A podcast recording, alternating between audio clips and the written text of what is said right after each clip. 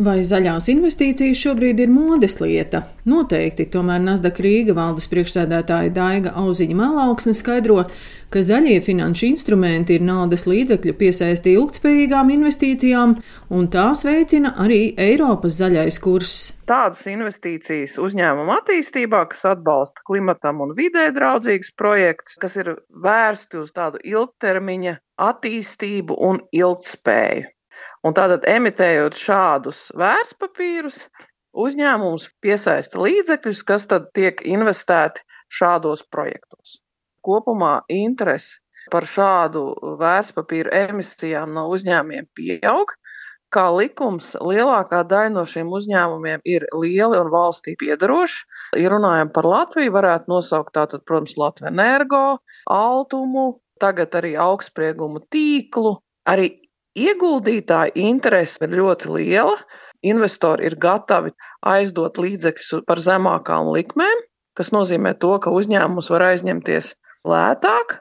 Un tas, manuprāt, veicina tātad arī, protams, Latvijas starptautisko atpazīstamību un prestižu un parāda to, ka mēs esam nozīmīga tāda Eiropas ekonomikas daļa, kas arī tātad virzās šī zaļā kursa virzienā. Kāpēc uzņēmumi kotē akcijas vai obligācijas biržā? Tā ir iespēja piesaistīt papildus finansējumu.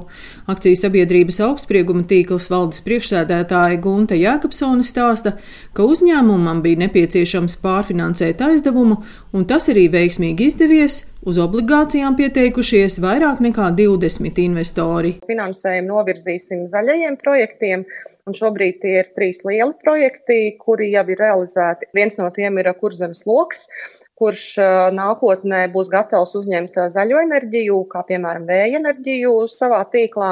Tas ir arī trešais starpsavienojums starp Latviju un Igauniju, kā arī TEDS divi Rīgas HES savienojums. Dienā, kad mēs izgājām akciju tirgū, tad investoru interese bija ļoti liela un interese divas reizes pārsniedza mūsu piedāvājumu.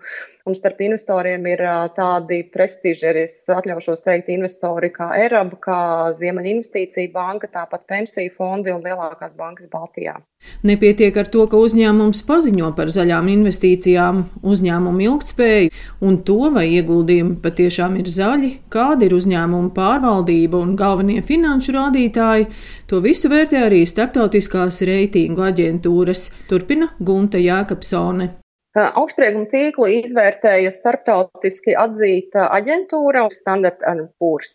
Mums tika piešķirts 3B plus augstais kredītreitings, un burtiski pāris nedēļas jau pēc šo zaļo obligāciju emisijas Rīgas Nasdaq biržā mūsu kredītreitings tika paaugstināts uz vienas mīnus, kas ir tikai viena pakāpīta zemāks nekā Latvijas valstī. Tā ka tas ir tiešām no starptautiskas ļoti prestižas aģentūras vēlreiz apliecinājums mūsu gan ilgspējas mērķiem, gan arī uzņēmumu labai pārvaldībai. Ivars Bergmanis ir LHV bankas Igaunijā investīciju banķieris, un viņi palīdzēja veikt IPO, jeb sākotnējo publisko akciju piedāvājumu, degvielas uzpildes staciju tīklam virši.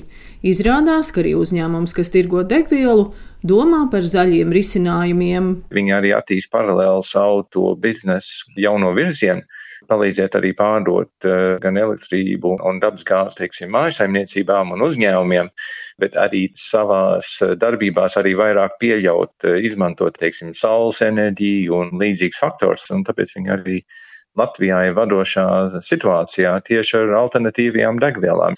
Ivars Bergmanis no LHV vērtē, lai gan Baltijas valstīs ir uzņēmumi, kas izmanto zaļos finanšu instrumentus, tomēr tādu nav daudz. Ignītis no Lietuvas, un arī pat eh, Lietuvas valdība savā laikā arī emitēja zaļās obligācijas. Bet, ja mēs skatāmies vairāk uz akcijām, piemēram, Enefit Green, kas nesen nolistējās IPO laikā, jo tur tieši iet runa par atjaunamiem resursiem, nevis, teiksim, tur izmantot dabasgāzi vai līdzīgas, teiksim, tās enerģijas, bet tieši uz vēju, dabai draudzīgākiem risinājumiem. Tā ka, nu, ir tie piemēri, noteikti eh, mazākumā, nevis vairākumā šobrīd. Zaļajiem finanšu instrumentiem atvēlēti 30% no Eiropas Savienības daudzgada budžeta līdz 2028. gadam un Eiropas Savienības atveseļošanas instrumenta. Nākamo desmit gadu laikā ilgspējīgas investīcijas Eiropā sasniegs vienu triljonu eiro. Daina Zalamane, Latvijas radio.